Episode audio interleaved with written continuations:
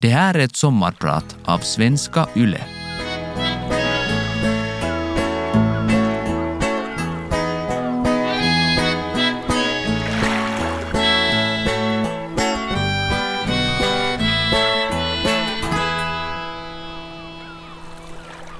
Där låg jag, i en thailändsk ambulans som med sirenerna tjutande tog mig genom gatorna i Bangkok. Vänstra knät var inlindat och tusen tankar rusade genom huvudet på mig. Vi var på väg till sjukhuset, för bekräfta det jag redan visste.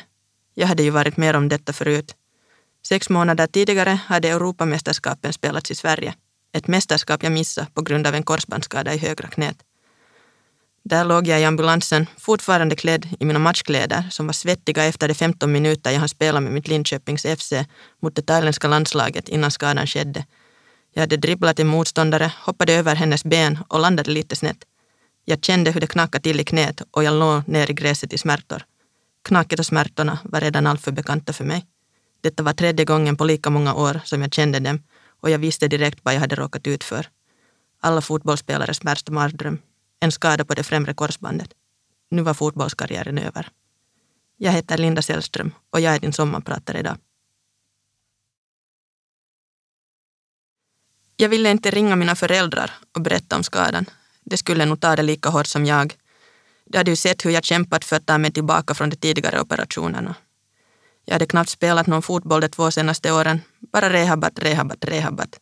Konkurrensen inom fotbollen är stenhård och jag hade ju redan gett ett två års försprång till mina motspelare. Och nu väntar ytterligare ett års rehab för mig. Medan de andra spelarna tränade fotboll och bara blev bättre och bättre fick jag lära mig att gå och springa igen. Nåväl, att bli skadad och åka till sjukhuset i ett främmande land kan te sig skrämmande. Men jag är faktiskt tacksam över att jag blev skadad i Thailand och inte i Sverige, där jag bodde på den tiden. För jag fick värsta VIP-behandlingen. I Sverige kan man få vänta i veckor på att få träffa en ortoped och få tid till magnetröntgen. I Thailand tog det mig tre timmar från att jag kom till sjukhuset till att jag hade träffat ortoped, tagit magnetröntgen och fått ett läkarutlåtande. Det var det thailändska flygvapnet som hade bjudit in min svenska klubb Linköpings FC till Thailand för att spela match mot det thailändska landslaget och promota fotbollen i Bangkok. Så när jag blev skadad tog de mig raka vägen med ambulans till ett militärsjukhus. Jag låg i en sjukhussäng med tre läkare runt omkring mig och även chefen för stället var där. De ville alla undersöka mig och ta selfiesar med mig. Jag förklarade att jag behövde en magnetröntgen och det bad mig vänta i typ en halvtimme, för röntgenavdelningen var tydligen stängd. Men de öppnade upp hela avdelningen och kallade in en röntgenläkare bara för min skull. Hon hade tydligen varit på fest och kom direkt därifrån i högklackat och finklänning. Bara för min skull. Medan jag var inne på magnetröntgen hade chefen för stället beställt en pizza till mig. De hade kört runt mig i min sjukhussäng från ställe till ställe sedan jag kom in och nu hade jag även en pizza i famnen. Och återigen togs det selfiesar. Det var som att jag var världens största kändis och VIP. Det var helt surrealistiskt. Men det hela kändes inte helt bra. För medan jag låg och väntade på att röntgenavdelningen skulle öppnas kom det in en liten pojke i kanske åttaårsåldern i en säng bredvid mig.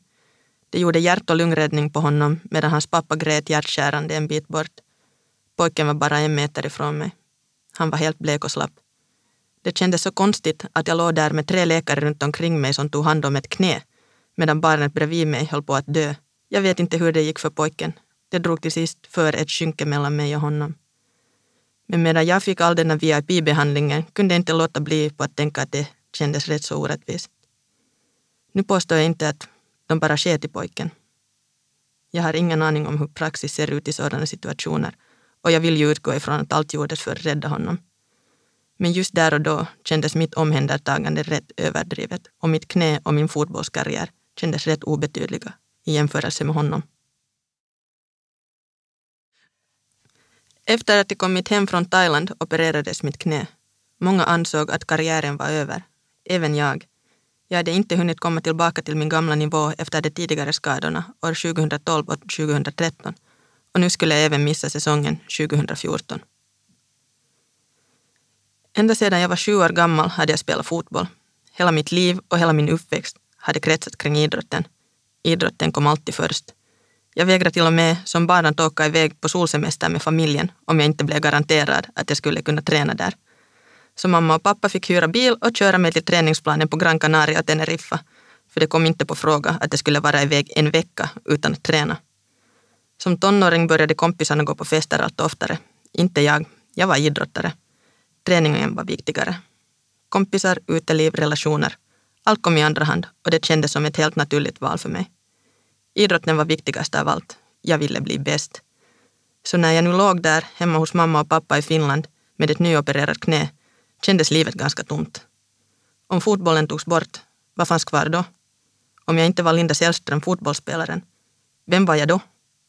Jag var 25 år gammal, hade ingen utbildning förutom studentexamen, hade aldrig ens haft ett sommarjobb. Ett helt tomt CV. Jag hade varit fotbollsproffs sedan jag som 19-åring flyttat till Sverige. Vad fan skulle jag göra nu? Jag kunde ju inget annat än att spela fotboll. Eftersom jag inte hade något annat att falla tillbaka på bestämde jag mig för att rehabba knät och se ifall fotbollen ännu kunde vara något för mig. Jag ville inte avsluta karriären där och då. Jag ville känna att jag verkligen gjort allt som bara fanns i min makt för att slippa ångra mig senare. Rehaben var sjukt tråkig. I början efter operationen skulle jag göra mitt rehabprogram tre gånger om dagen. Jag låg bara hemma hos föräldrarna och hade egentligen alltid i världen att göra mina dumma övningar. Men ändå hade jag svårt att få dem gjorda. Ibland gjorde jag dagens sista övningar vid tre på natten eftersom jag skjutit upp dem hela dagen. Mamma bestämde sig till slut för att börja muta mig för lite extra motivation. Varje gång jag gjorde mina övningar fick jag en kärna. Jag kunde alltså få tre kärnor per dag. I slutet av veckan räknade vi ihop kärnorna och hade jag samlat tillräckligt många kärnor fick jag ett pris. Jag var alltså 25, inte fem år gammal. Men jag gjorde duktigt mina övningar och fick huvudpriset varje vecka. Den första veckan efter knäoperationen är man i stort sett sängliggande. Mina föräldrar tog ledigt från jobbet för att kunna ta hand om mig. Mamma agerade min personliga butler, eller slav kanske man rättare borde kalla det. Varje morgon kom hon ner till mitt rum med dagens meny som hon hade skrivit på ett papper. Jag fick kryssa i vad jag önskade äta och mamma kom med en bricka med det jag valt. Jag hade även en liten ringklocka på nattduksbordet som jag kunde ringa i och kalla på henne. Ring, ring! Och mamma kom springandes och med en bugning, ett leende, knäppta händer och med ett Yes madam tog hon emot beställningar om än ett glas vatten, en liten värkmedicin eller för att ta av mig strumporna. Ja, jag vet, mamma är bäst. Jag vet inte vad jag hade gjort utan henne. Eller utan landslagets sjukgymnast heller, för den delen. Hon hade varit min klippa under de två första rehabperioderna och det var henne jag ringde till först från sjukhuset i Thailand för att berätta att korsbandet var av igen. Nu var det väl bara att ge upp. Hon konstaterade att detta var ju det andra knät, så det var som en första skada. Inga problem, vi fixar det. Jag tvivlade, men inte hon. Och tur det. Efter sex veckor i Finland var det dags att åka tillbaka till Sverige och Linköping och fortsätta min rehab där. Fotbollen var fortfarande mer än ett halvt år bort, men det var skönt att komma tillbaka till en vardag med rutiner och fint att träffa laget. Men det var väldigt jobbigt att vid sidan av se när de andra spelade fotboll och jag själv inte kunde vara med. Vi vann Svenska kuppen. Jag satt på läktaren och var väldigt glad när slutsignalen gick och vi hade vunnit. Men efteråt, när jag skulle möta laget nere på planen och segern skulle firas och det skulle poseras med pokalen, kändes det hela bara sjukt jobbigt. Jag försökte gömma mig längst bak. Jag hade inte spelat en minut av årets cup och kände mig inte alls delaktig. Det hela bara påminde mig om hur skadad jag var och allt jag gick miste om. Jag ville bara därifrån så fort som möjligt och inte visa de andra hur dåligt jag mådde. Jag ville inte förstöra deras glädje. Min goda kompis i laget var också skadad och hon kände precis likadant. Det var skönt att vi ändå hade varandra. Under åren som skadad var det skönt att hitta tröst bland andra skadade spelare som gick igenom samma känslor som jag. Vi hade vår egna lilla grupp och vi förstod och peppade varandra. När jag väl fick börja träna lite fotboll med laget igen kändes nästan som den jobbigaste perioden. Alla tog för givet att man skulle vara så glad, för nu fick man spela fotboll igen. Men sanningen var att fotbollen inte ens var kul. Jag mådde bara dåligt efter varje träning. Enkla passningar som jag tidigare hade klarat av i sömnen kändes helt omöjliga att få till. Det var som att man egentligen visste vad man skulle göra, men att kroppen bara inte lydde. Nästan som att man hade glömt bort hur man cyklar. Jag var ljusår efter alla andra och var sämst på träningarna. De andra spelarna var glada över att jag var tillbaka, men själv kände jag bara enorm ångest. Och som vanligt, dessa känslor skulle inte visas. Efter nio månaders rehab hann jag med till årets tre sista matcher med Linköpings FC. Det blev ett par inhopp och jag gjorde till och med ett mål i min första match efter skadan. Det var en sjukt skön känsla att få göra mål igen och det kändes ännu bättre då jag såg hur glada alla lagkompisar var för min skull. Men jag var långt ifrån mitt gamla jag och efter fem år i Linköpings FC, varav de tre sista åren skadade, fick jag inte förlängt kontrakt med klubben. Ingen skräll i sig. Jag visste redan i januari, då jag blev skadad, att det var kört för mig. Det var ingen hemlighet att klubbledningen redan efter min första skada ville bli av med mig. Men tränare och sportchef hade lyckats få behålla mig. Jag anser faktiskt att det är en rätt så stor bedrift att jag lyckades hålla mig kvar där så länge, då spelare oftast fick gå redan efter en första skada. Livet inom toppfotbollen är hårt och det är business som gäller. Spelaren ses ibland mer som en produkt eller tillgång än som en människa. Man ska prestera, prestera, prestera, som en robot nästan. Och då man inte presterar eller om man går sönder, då slängs man bort och en ny spelare köps in istället. Det känns ledsamt att människan bakom fotbollsspelaren ibland glöms bort. Så nu var det dags att hitta en ny klubb. Men hur het är man egentligen på marknaden med sådant förflutet som mitt? Förvånansvärt het, visade sig till min stora chock och förvåning. Flyttlasset gick till Hässleholm och min nya klubb hette Vittsjö GIK. Vittsjö är en liten by i norra Skåne med 1800 invånare. Helt sjukt egentligen att de har lyckats få upp ett lag i landets högsta serie. Ungefär som IK Myran från Nedervetil här i Finland. 25 minuters bilfärd från Vittsjö ligger Hässleholm, där största delen av spelarna bodde. I Hässleholm bor cirka 18 000 människor. Jag är själv från Vanda och hade tidigare bott i Stockholm och tyckte redan att Linköping kändes för litet med sina 100 000 invånare. Så det kom som en liten chock att jag på cirka 10 minuter kunde gå igenom hela stan. Jag brukar säga att det bästa med Hässleholm är att det är lätt att ta sig därifrån. Men Hässleholm är inte vilken liten okänd hålla som helst, utan har faktiskt blivit vald till Sveriges tredje fulaste stad och ett resemagasin valde Hässleholm till Sveriges mest oromantiska stad. Ändå inte illa. Att spela för en klubb som kommer från en liten by har sin speciella charm. Där det var business som gällde i Linköping så är det talkoanda och gemenskap som gäller i Vittsjö. Matchstadion ligger mitt i skogen och hela byn känner varandra och Vittsjö GIK.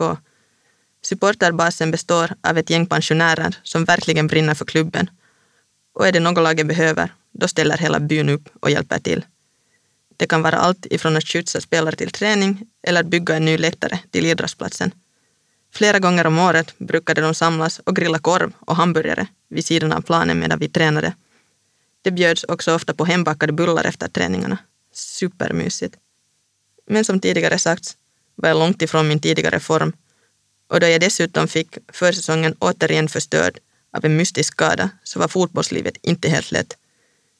Vittsjö hade en gästbok på hemsidan som de fick lägga ner efter att det skrevs så mycket negativt om mig där.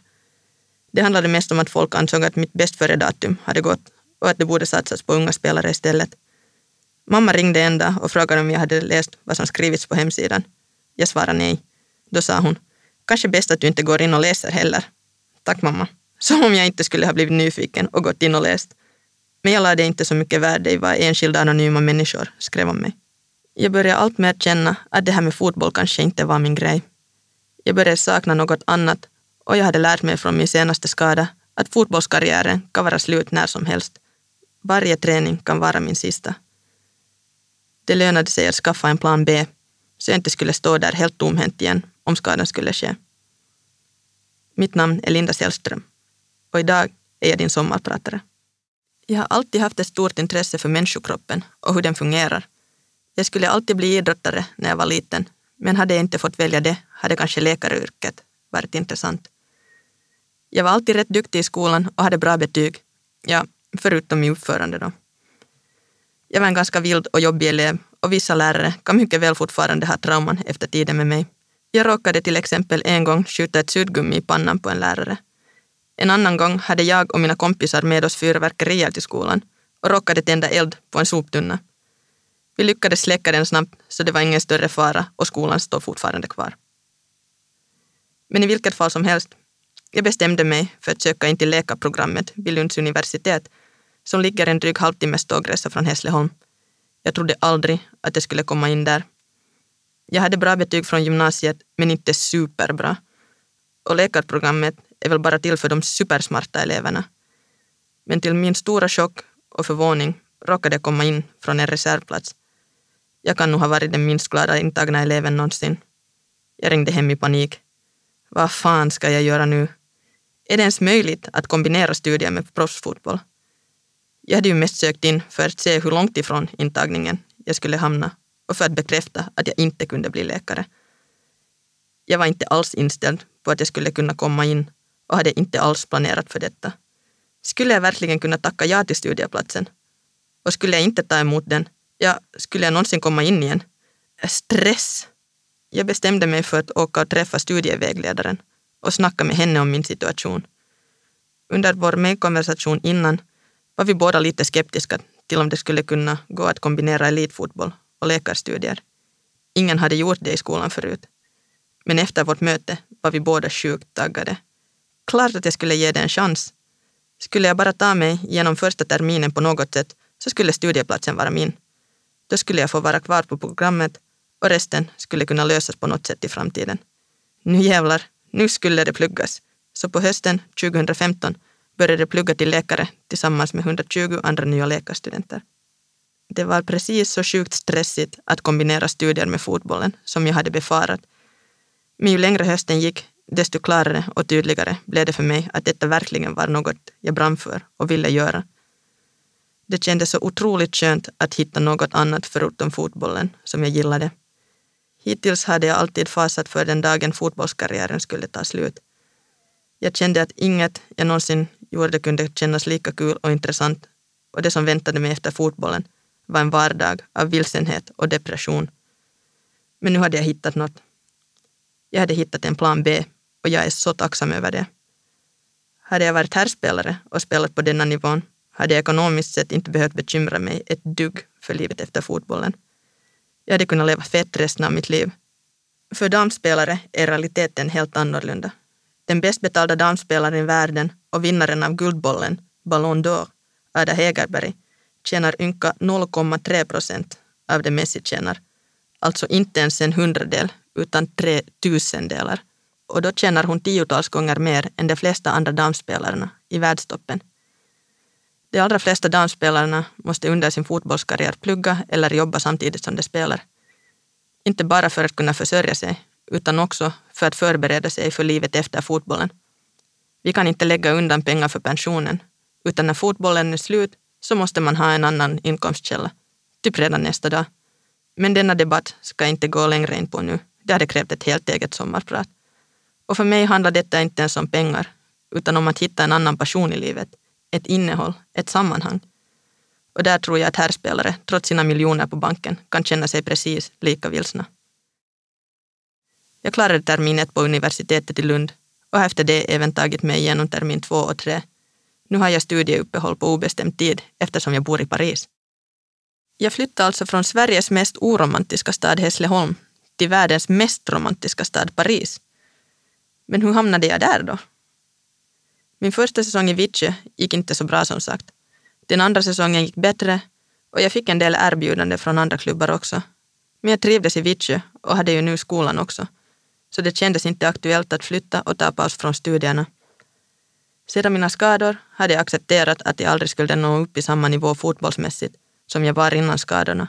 Och jag hade accepterat att jag inte skulle nå de mål och drömmar som jag hade jobbat för hela mitt liv. Jag hade haft mina bittra dagar då jag känt att jag offrat allt för fotbollen och aldrig skulle få något tillbaka. Allt jobb jag lagt ner, helt i onödan. Men jag hade som sagt accepterat mitt öde. Då kom säsong tre i Vittsjö. Ett riktigt kanonår. Jag hade fått vara frisk och hel en längre tid och tränat bra, så plötsligt bara klickade. Jag spelade bättre än någonsin förr.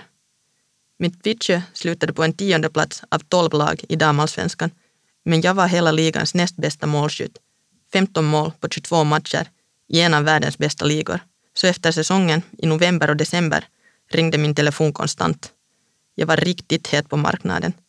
Nästan alla damallsvenska klubbar kontaktade mig. Jag såg att spelare som hade gjort mindre bra ifrån sig flyttade till storklubbar utomlands och då väcktes tanken att kanske mina drömmar om att spela i en toppklubb ute i Europa inte ändå hade gått i kras i Thailand några år tidigare. Jag bestämde mig för att skaffa en agent för att kolla läget det var nu eller aldrig som jag hade chansen. Som anfallare är det målen som räknas och nu såg mitt CV bra ut. Fast där hade jag fel. Det fanns en plump i CVt som skulle ställa till det. Mina tidigare skador. I många fall kan en korsbandsskada vara tillräckligt för att förstöra en karriär. Jag känner flera som har varit tvungna att sluta spela efter en första skada. Jag känner ännu fler som har varit tvungna att sluta efter en andra skada. Så att jag överhuvudtaget kan träna och spela smärtfritt med tre korsbandsskador är lite av ett mirakel och borde vara nästintill omöjligt. Det ansåg också de stora klubbarna ute i Europa. Svaret jag fick från klubbarna var annars ja, men på grund av skadorna, nej. Jag var skadat gods och ansågs vara en för stor risk. Jag hade inte missat en match på nästan två år, då också på grund av en bruten näsa. I fotbollsvärlden är detta osannolikt friskt. Men jag hade ändå fått stämpeln en skadad spelare. Det kändes jättetråkigt och orättvist. Jag blev dömd. Hade svaret varit att jag inte är tillräckligt bra hade jag köpt det utan problem. Det finns en massa bra spelare och konkurrensen är stenhård. Men att få dörren stängd på grund av något jag inte själv kunde påverka på något sätt kändes jättetrist. Då jag dessutom inte hade några som helst problem med knäna. Hade det inte varit för de stora ärren skulle jag inte ens själv märka att jag någonsin opererats. Det visade sig att det inte spelade någon roll hur lång tid det gick från mina knäskador. De skulle alltid hänga som en mörk skugga över mig. Jag fick offerter från klubbar i andra länder, men inget som kändes så hett att det var värt att lämna skolan och Vittsjö. Så jag skrev på ett nytt kontrakt med Vittsjö i december, men med en klausul om att jag skulle få lämna under transferfönstret på sommaren. Vintern gick och våren skred allt längre och min 30-årskris blev allt större. Jag skulle fylla 30 år i juli och hade haft ångest över det mer eller mindre ända sedan jag fyllt 29. Jag skulle fylla 30 snart och vad hade jag åstadkommit i mitt liv sedan jag fyllt 20? Inget. Jag var 100 år från att bli klar med utbildningen. Jag hade aldrig ens haft ett sommarjobb. Inte hade jag bostadslån eller billån och singel var jag också. Jag var i precis samma sits som när jag hade gått ut gymnasiet. Jag hade bott i Sverige i tio år och sparkat på en boll. Jag hade inte gjort något nyttigt eller upplevt något. Jag hade kastat bort tio år av mitt liv. Känns ju lite fånigt nu, men så kände jag då. Så när Paris FC visade intresse kände jag att här hade jag chansen att uppleva något och leva lite. Jag skulle lära mig franska och bo i Paris. Det var väl ändå något som man senare skulle kunna se tillbaka på och känna att man upplevt något. Fotbollsmässigt var det också ett steg uppåt, en ny utmaning. Juvisy, eller Paris FC, som det nu för tiden heter efter att det slagit samman med herrklubben Paris FC, är en klubb med långa traditioner i den franska damligan med många ligatitlar och Champions League-finaler. Men på de senare åren har dock Olympique Lyonnais och PSG varit ohotade i toppen. Paris FC har som ambition att utmana de två storklubbarna och det tyckte jag också lät intressant. Ofta då det är en stor herrklubb som väljer att satsa på damfotbollen, då kan det bli riktigt bra. En trend som blir allt vanligare inom Europafotbollen. Så jag tog mitt pick och pack och flyttade till Frankrike. Jag visste egentligen inte alls vad som väntade mig. Jag hade snackat i telefon med tränaren en gång innan jag flyttade, men då han knappt kunde någon engelska kände jag mig inte precis klokare efter samtalen. Samma gällde mina mejlkonversationer med lagledare. Det var högst oklart för mig var jag skulle bo, var vi tränade och när vi tränade. Jag blev upphämtad på Charles de Gaulle och körd till ett hotell i utkanten av Paris. Okej, okay, jag skulle tydligen bo här tills vidare. Nästa dag skulle vi träna klockan fem på eftermiddagen och jag skulle återigen bli upphämtad. Alright, mer än så behövde jag tydligen inte veta om mitt nya liv i ett främmande land. Jag hade hört om kulturen med kindpussar i Frankrike. Jag kände mig högst obekväm och förvirrad av denna kultur. Så nästa dag spenderade jag vid datorn googlandes hur man korrekt skulle göra dessa kindpussar. Jag ville göra ett gott första intryck på mina nya lagkamrater. Vilka alla ska man pussa? Hur många kindpussar är det? Vilken sida ska man börja på? Vad ska man göra med sina händer? Ska man pussa på riktigt eller bara i luften? Förvirringen var stor, men jag lyckades hitta en utomordentligt nyttig video på Youtube som steg för steg demonstrerade hur man skulle faire la bise, som det heter på franska. Jag kände mig förberedd och redo för min första träning och mitt första möte med mitt nya lag. Jag kom till träningen och pussade alla tränare, ledare och 20 spelare något som nästan borde räknas som en extremsport för en typisk finne som är van vid att in i det sista undvika kontakt med främmande människor. Jag var superstolt över mig själv för att ha klarat av detta utan att skämma ut mig allt för mycket och lyckas dölja hur sjukt obekvämt det hela kändes. Nu var det värsta över, trodde jag. Jag var så stressad över alla kindpussar att jag inte ens hade tänkt en tanke om att själva träningen kunde vara ett problem. Övriga laget hade börjat träna en vecka tidigare och var mitt i den intensivaste försäsongsperioden. Träningen var ett riktigt mördarpass med löpning och spel. Lägg till att det var 34 grader varmt och allt snack och instruktioner var på franska. De enda orden jag kunde på franska var merci och bonjour och tyvärr räckte inte det så värst långt i detta sammanhang. Och som finne är jag verkligen inte skapt för att tåla sådana extrema värmeförhållanden heller. Jag dog. På något sätt överlevde jag den första träningen och den första veckan. Jag hade haft en bild av fransmän som lite snobbiga och kanske lite dryga och att de vägrar tala engelska. Ni vet, den där stereotypa bilden av en fransman i basker med ett glas vin i ena handen och en cigarett i den andra och näsan lite i vädret. Den bilden stämde inte riktigt ihop med verkligheten. Jag hade inte kunnat önska mig ett bättre mottagande av mina nya lagkompisar. De fick mig verkligen att känna mig välkommen. Engelska talar de inte för att de inte vill, utan för att de faktiskt inte kan. Men de ansträngde sig verkligen för att ändå försöka kommunicera med mig. Med vissa blev det en blandning av frängelska med lite spanska ord inslängda. Med andra blev det mer eller mindre teckenspråk. Men det fanns vissa ganska stora kulturskillnader. Förutom då alla kindpussar som ska ges till hela laget och tränarstaben varenda dag innan varenda träning. Där det i Finland och Sverige anses olämpligt för en idrottare att röka och dricka är det i Frankrike helt okej. Okay. Men däremot visade det sig att bland annat socker, charkuterier, ketchup med mera är förbjudet. Den första frasen jag lärde mig på franska var Non Linda, c'est interdit, it's forbidden. Som jag fick höra vid typ varje gemensam måltid i början. Där råkade ta något av det förbjudna. Jag fick även ett Non Linda, c'est interdit, it's forbidden när jag kom till lagsamlingen i shorts när det var över 30 grader varmt. Tydligen skulle vi ha på oss byxor. Jag får fortfarande höra Non Linda, c'est interdit ibland men jag har börjat lära mig de oskrivna reglerna så småningom och kindpussandet har jag också kommit in i. Fastän det fortfarande ibland blir lite fel, då är jag lite osäker på vilka alla människor som ska pussas. Och några gånger har jag varit nära att hångla upp personen, då man i vissa delar av Frankrike ska börja pussandet på andra kinden och råkat gå åt samma håll som personen. Men jag älskar mitt nya liv i Paris. Vilken underbar stad. Alla borde flytta dit. Att promenera längs Seine och se på alla vackra byggnader, Notre Dame, Eiffeltornet, Louvren, köpa nygräddade baguetter och croissanter i bagerierna som finns i varje gathörn. Och maten. Maten är så sjukt god överallt. Vilken kontrast till livet i Hässleholm. Fotbollen har också gått bra. Trots den stenhårda konkurrensen i laget har jag lyckats ta en startplats och flera mål har jag också lyckats göra. Jag lever verkligen mitt bästa liv just nu. Och efter alla skador har jag lärt mig att inte ta något för givet och njuta då det går bra. Jag vet ju att allt i nästa ögonblick kan vara över. Min 30-årskris förra året känns också lite töntig just nu. Att jag inte skulle ha gjort något och bara kastat bort mitt liv. Jag har spelat nästan hundra landskamper, blivit vald till årets spelare två gånger, gjort fler mål i landslaget än Jari Littmanen, rest till nästan alla europeiska länder och exotiska länder som Kina, Armenien, Vitryssland, Bosnien-Hercegovina. Jag har lärt känna fantastiska människor från alla världsdelar och fått vänner för livet. Jag har börjat plugga till läkare och hittat en ny passion. Det känns knappast som bortkastad tid. Visst är livet tokigt. Det blir sällan precis så som man hade föreställt sig det. Det otroligt klyschiga ordspråket “stängs en dörr, öppnas ett fönster” verkar ändå stämma rätt så bra. Nu ser jag fram emot det kommande EM-kvalet som börjar på hösten. Det kan mycket väl vara min sista chans att spela i ett mästerskap. Att få uppleva ett till mästerskap skulle verkligen vara en stor dröm som skulle gå i uppfyllelse. Och jag kommer att göra mitt absolut yttersta för att nå dit. Men även om det inte skulle bli så, så är jag ändå mycket att vara stolt och tacksam för. Mitt namn är Linda Sällström och idag har jag varit din sommarpratare.